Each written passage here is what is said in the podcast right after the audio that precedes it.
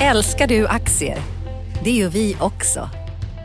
Sea Worldwide Asset Management är en av Nordens största oberoende aktiva aktieförvaltare och har samlad kunskap sedan 1986. Ta del av vår kunskap på seaworldwide.se. Bokstaven C, worldwide.se.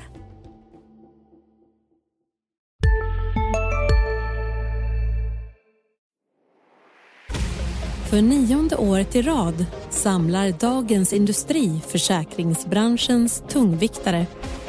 Den 31 januari möter du bland andra Frans Lindelöf från Skandia, Caroline Farberger från ICA Försäkring, Torbjörn Magnusson, If, Åsa Mindus Söderlund, Avanza Pension och Jens Henriksson, Folksam, på vår branschkonferens Försäkring på agendan står de viktigaste framtidsfrågorna för sak och livbranschen.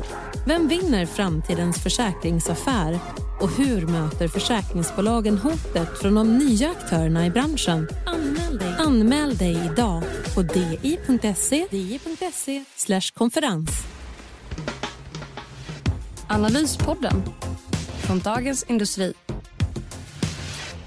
Hej alla! Det är fredag och det betyder att det är dags för Analyspodden från Dagens Industri där vi försöker bena ut det viktigaste som har hänt och kommer att hända på marknaderna. Kanske med börsen framför allt i fokus. Och vi som ska göra detta idag är jag, Viktor Munkhammar och mitt emot mig har jag Magnus Dagel. Hej Viktor! Hallå, hej Magnus! Hej alla igen!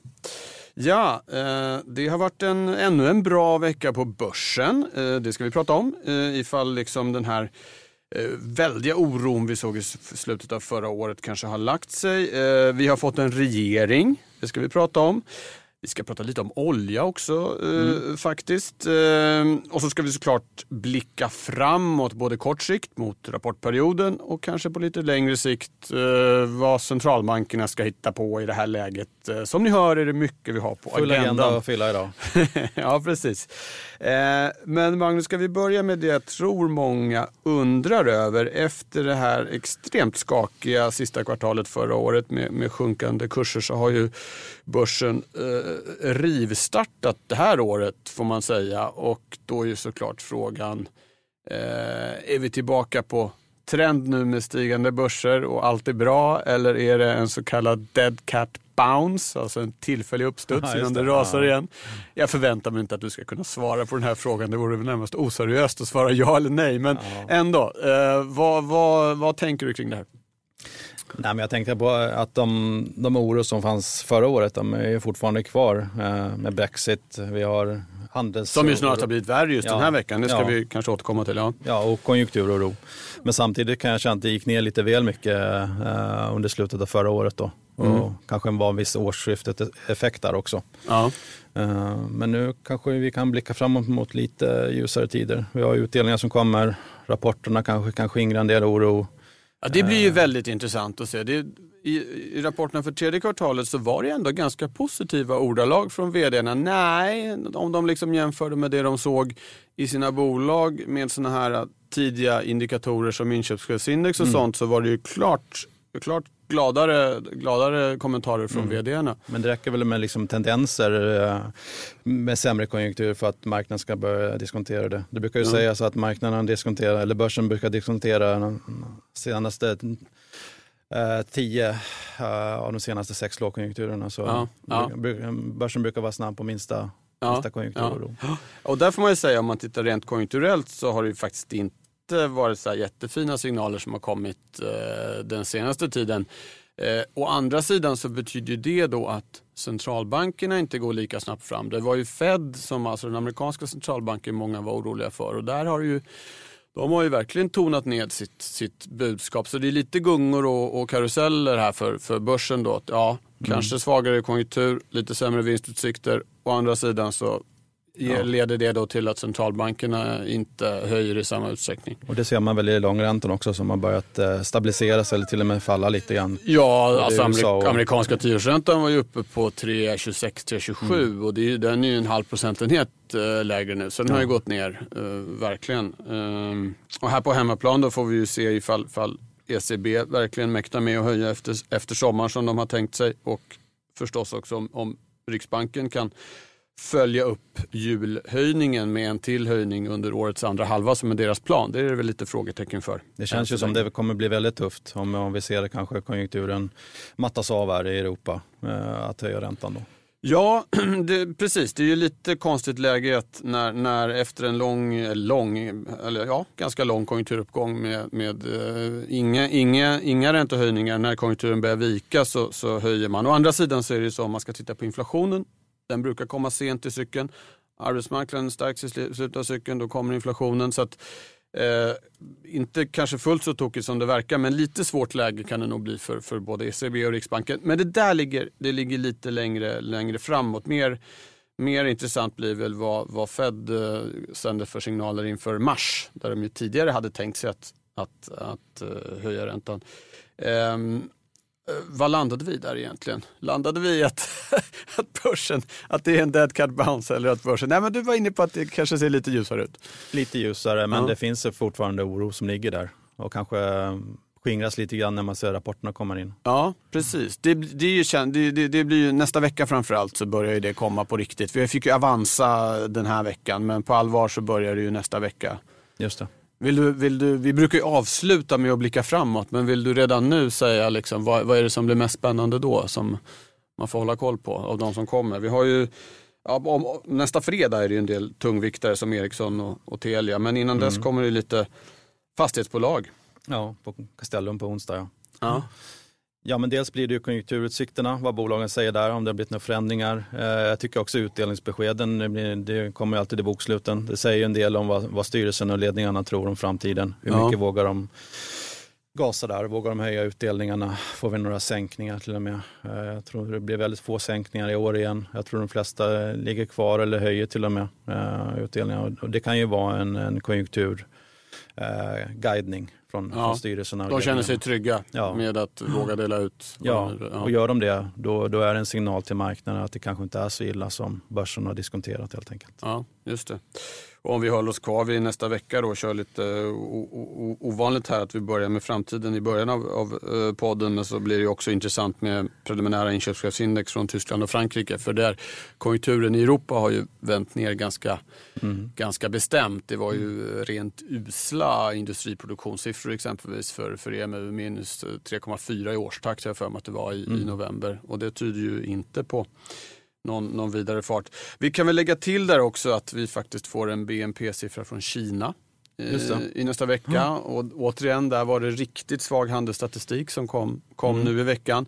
Eh, där när det gäller Kina så är det väl framför allt det här spelet mellan USA och Kina det handlar om. Och det är väl kanske också en bidragande orsak till att börsen har gått mm. så pass starkt. Att det har kommit det som har kommit ut, ryktena kring de här förhandlingarna som mm. delvis har börjat och ska fortsätta är ju ändå att ja, det har varit hyfsat optimistiskt. Eh, mm. Eh, vilket kanske beror på att båda länderna är pressade. Trump pressad av börsen som sjunker, han mäter sig mot börsen. I Kina då att de är rädda för att arbetslösheten ska stiga vilket ju på sikt skulle kunna hota regimens Precis, ställning. och det kommer på måndag redan. Eh, BNP. Och vill man läsa mer om det så skrev eh, vår kollega Johanna Jansson om det. Johanna hade en stor genomgång i det precis i, i, i veckan här. Eh, så den kan man verkligen, verkligen läsa. Och på onsdag kommer Castellum som sagt och ja. de kommer föreslå höjd utdelning igen räknar jag med. 21 ja. året i rad. Ja, de är på väg att bli en sån här aristokrat. Va? Ja, är det 25 år på raken som man ska ja, höja utdelning? år krävs ja. ja okay. Det är de och huvudstaden som har längst höjningssviter på Stockholmsbörsen. Ja. 21 år i rad bägge två. Ja. Så fyra år Tror du att de själva, liksom, är, det, är det en prestigegrej att de ska höja varje år eller ser de bara helt rationellt varje år och tänker att ja, men så här mycket är rimligt att dela ut? Eller tänker de sig att de ska liksom, det är deras grej så att säga? Varje fall Castellum är det så tror jag lite grann att de har, eh, ja, det, det tar jag emot att sänka den utdelningen när man har en så lång höjningssvit. Ja, men att låta den ligga still då? Hur skulle det kännas? Jag tror inte man gör det. Det, det tar emot. Ja, ja, ja. I och med att man har en så lång, lång fin höjningssvit. Då. Och man driver bolaget på det sättet med små höjningar, kontinuerliga höjningar hela tiden. Ja, ja. Bra, eh, vi måste väl säga någonting också om att vi faktiskt har fått en regering va? Ja. Det hände precis när vi gick in i studion här så blev det ja till Stefan Löfven som, som statsminister.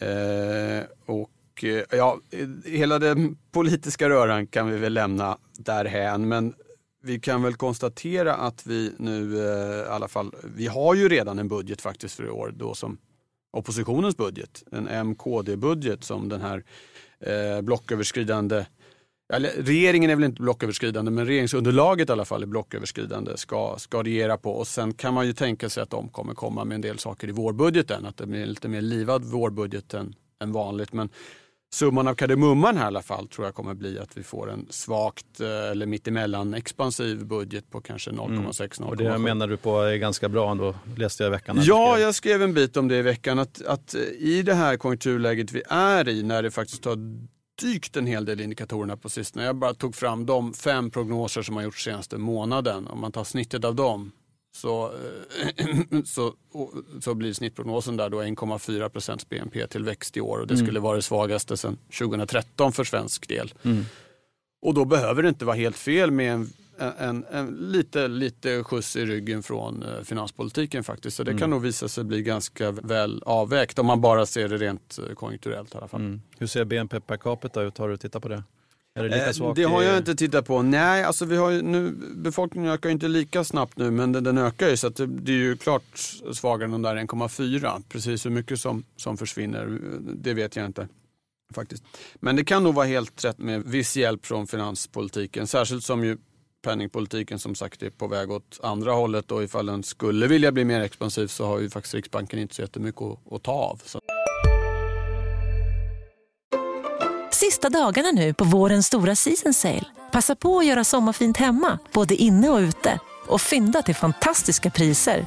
Måndagen den 6 maj avslutar vi med Kvällsöppet i 21. Välkommen till Mio. Hej, Synoptik här. Visste du att solens UV-strålar kan vara skadliga och åldra dina ögon i förtid? Kom in till oss så hjälper vi dig att hitta rätt solglasögon som skyddar dina ögon. Välkommen till Synoptik. Eh, där, eh, ja, nej, men det kan nog passa rätt bra. Med, Blir det någon mer eh, höjning tror du i, år eller? Eh, de vill nog gärna. Jag tror de är rätt beroende av att ECB går före mm. och höjer. Uh, och det som sagt tänker sig ECB att göra någon gång efter sommaren. Mm.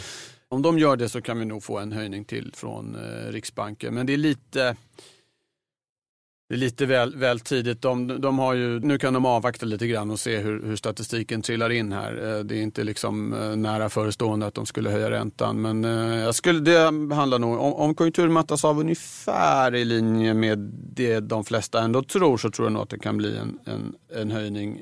Men om det blir en brantare utförsbacke då hänger det nog på gärdsgården skulle jag säga. Mm. Kan man får... sänka räntan tror du? Ja, det är klart de kan sänka räntan. Jag menar, nu, har de ju, nu kan de ju dra ner 25 punkter till, säger de, där de var innan. Men, nej, men det är ju ett grundproblem verkligen för både Riksbanken och andra centralbanker. Om det kommer en riktig sättning i ekonomin, då har de inte så jättemycket att sätta emot. Därför att penningpolitiken mm. liksom redan är nere i källaren. Och då behöver man jobba finanspolitiken istället. Och det finns det faktiskt utrymme för i Sverige att göra. I andra länder finns det utrymmet inte riktigt på samma vis. Eh, veckan, vi måste ju säga någonting om Brexit också. Eh, där ja. har blivit ännu, ännu rörigare. Det var ju, eh, om vi bara ska rekapitulera lite grann så röstades ju Theresa Mays eh, förslag till utträdesavtal ner med en jättemarginal. Omedelbart så ställdes hon då inför en förtroendeomröstning som hon vann. Eh, och där står vi nu och ingen vet riktigt vad som ska hända. Och det man kan säga är att parlamentet vill ju absolut inte, eller en majoritet i parlamentet i alla fall, vill absolut inte ha en avtalslös Brexit. Eh, frågan är vad parlamentet då ska hitta på istället. Men jag tror att man i alla fall kan säga att sannolikheten för de två ytterligheterna har ökat. Det vill säga att det blir att Storbritannien på ett eller annat sätt blir kvar, kanske till en början i form av att det här eh, punkten för utträdet skjuts framåt i tiden, att de förlänger det. Eh, eller att det blir en andra folkomröstning där det då verkar som att stanna kvar skulle vinna. Eh, om allt det här fallerar så har risken å andra sidan också ökat för att det blir då en sån här avtalslös eh, Brexit. Det här tänkta mittenalternativet, någon slags ordnat utträde mm. just nu, ser väl mindre sannolikt Så ytterlighetsscenarierna har ökat helt enkelt? Ja, och sen det, så, alltså, det ändras ju mer eller mindre dagligen där. Men, men som du var inne på så hela Brexit-röran hänger ju verkligen fortfarande över oss och det skulle bli en rejäl smäll för framförallt den europeiska Jag tror att börsen oroar sig för det i varje fall i och med att det är en stor del av Europas derivat som kleras där. Det är en väldigt viktig finanshuvudstad för Europa och det gör att finansmarknaden oroar sig för det, vad som kommer hända. Eh, så ja, det, det har påverkat börsen tror jag. Ja, absolut. Eh, ja, det kommer vi få återkomma till, eh, kan vi nästan eh, garantera. 29 mars är ju det tänkta datumet då för när britterna ska lämna. Får jag fråga dig Magnus, en annan sak om vi går lite bolagsspecifikt. Du intervjuade SAS vd här i veckan. Vill du berätta kort vad som stack ut mest eh, där? Ja, intervjun var ju två veckor sedan. Den publicerades ju ja, men, eh, nej, men det är intressant. Eh, SAS har ju presenterat sitt bästa resultat sedan sen 2000 faktiskt. Så det har varit en väldigt, väldigt ja, viktig resa för dem som de har gjort de senaste åren här och att de har vänt till lönsamhet. Ja. Trots att Norwegian har konkurrerat med väldigt låga priser och det är deras viktigaste konkurrent så har de lyckats ändå tjäna pengar, ja. SAS. Och hur länge kan Norwegian fortsätta med det? De går med förlust. Ja, jag skrev om det i julhelgen. Jag tror att eh, den här expansionen är ohållbar som de har gjort. Eh, de har ju världens modernaste flotta kanske. Men om man tittar på åldern på den eh, och trots det, de har en enhetsflotta också som, bor, som är bra för lönsamheten. Och trots det har de gjort miljardförluster. Så det, de har sålt sina tjänster till förlust helt enkelt som jag ser det. Det är ohållbart på sikt. Uh, och nu, nu börjar de också göra omstruktureringar i bolaget, uh, minska antalet linjer, uh, antalet flygplatser de är verksamma på etc. och det presenterade de på julafton då. Men mm. då hade redan besparingsprogrammet pågått en månad. Ja. Ja. Så det är ett... Ja. Det är alltid ett orosmål när bolag släpper nyheter på helgdagar. Ja. Då drar man öronen åt sig lite. Ja, det, det, är ett konstigt bolag på flera sätt, eh, men också gått i bräschen också på, med en ny flygflotta och sänker koldioxidutsläppen markant faktiskt. Så mm. det, ja.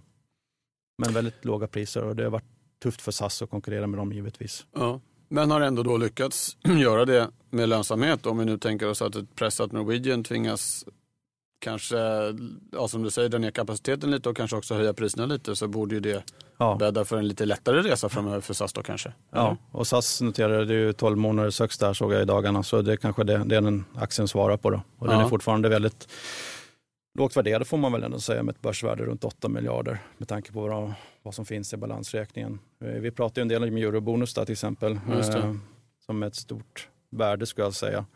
Eh, omsätter en miljard ungefär. Mm. Eh, med väldigt god lönsamhet om man tittar på andra lojalitetsprogram som finns i Europa och övriga världen så är det ofta flygbolagens mest lönsamma verksamheter. Ja, ja, ja.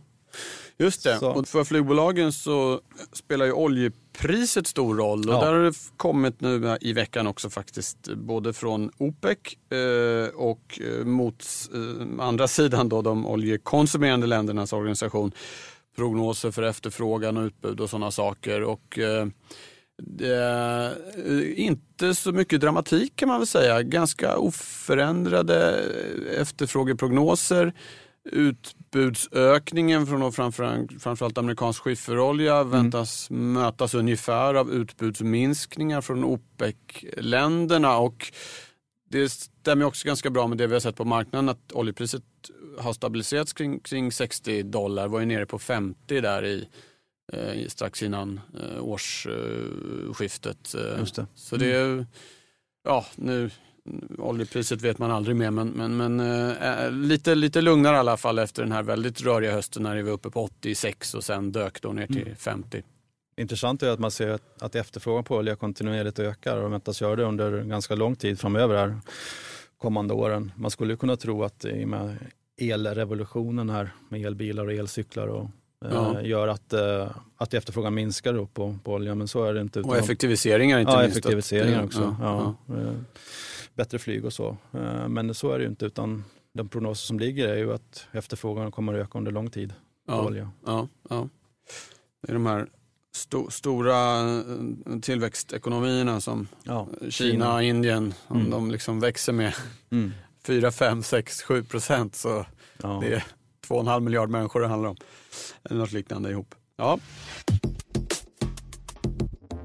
Vad ska vi säga mer? Ska vi säga någonting om, eh, det kom en vinstvarning här på morgonen.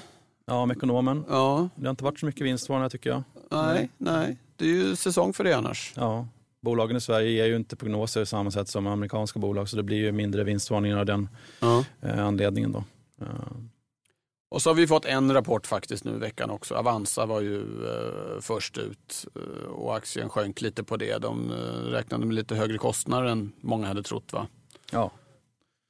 Utdelning konstant, vinsten ungefär konstant, P-tal på 30. Ja. Den ekvationen går inte riktigt ihop. Nej, nej. Fast nu är P-talet lite lägre då kanske. Ja, kanske 27. Ja. ja. Eh, bra. Om vi ska runda av, vi har pratat en hel del om, om nästa vecka. Eh, är det någonting mer? Ska vi säga då att fredagen blir den stora dagen med Ericsson och, och Telia. Ericsson förra årets stora vinnare bland eh, storbolagen. Ja, man kan hålla utkik även på, eh, på torsdag. Där Investor kommer väl höja utdelningen eh, med en krona igen tror jag. Ja. Till 13 kronor denna gång. Eh, torsdag också Bonava ger ju en eh, liten temperatur på bostadsmarknaden. ja, de har ju sänkt priserna ganska kraftigt. Ja, det var du som eh, sa det. Ja, ja. precis i, i södra Stockholm här. Att de Ja, har ganska mm. kraftiga prissänkningar. Det är tufft generellt eh, på bostadsmarknaden fortfarande med nyproducerade lägenheter. Och eh, nu har ju Bonavas andel i Sverige successivt minskat på grund av den svaga marknaden. De blir mer beroende av tyska marknaden där det fortfarande går väldigt bra. Mm. Eh, även Sankt Petersburg går bra för dem. Så det, Mm. eh, men det ger en indikation hur det, hur det går på, marknaden, på bostadsmarknaden i Sverige. Då. Mm. Ja, bra. Nej, men, eh, det blir mycket börs de kommande veckorna i Analyspodden såklart. Det är det ju alltid, men ännu mer när det är rapportsäsong.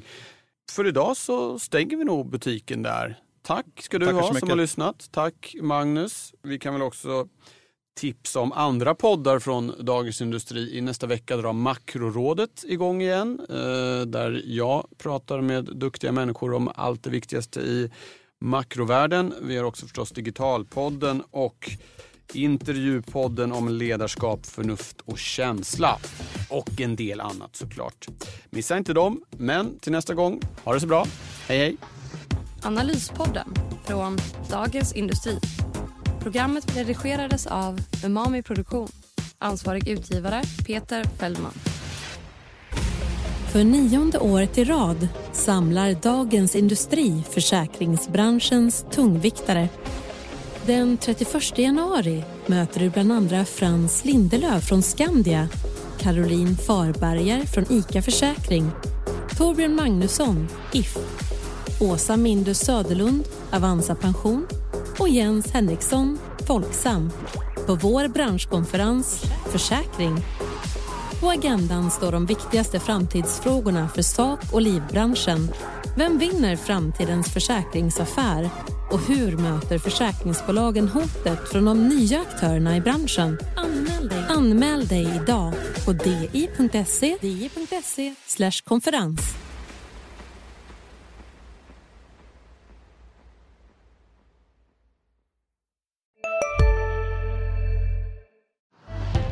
Älskar du aktier?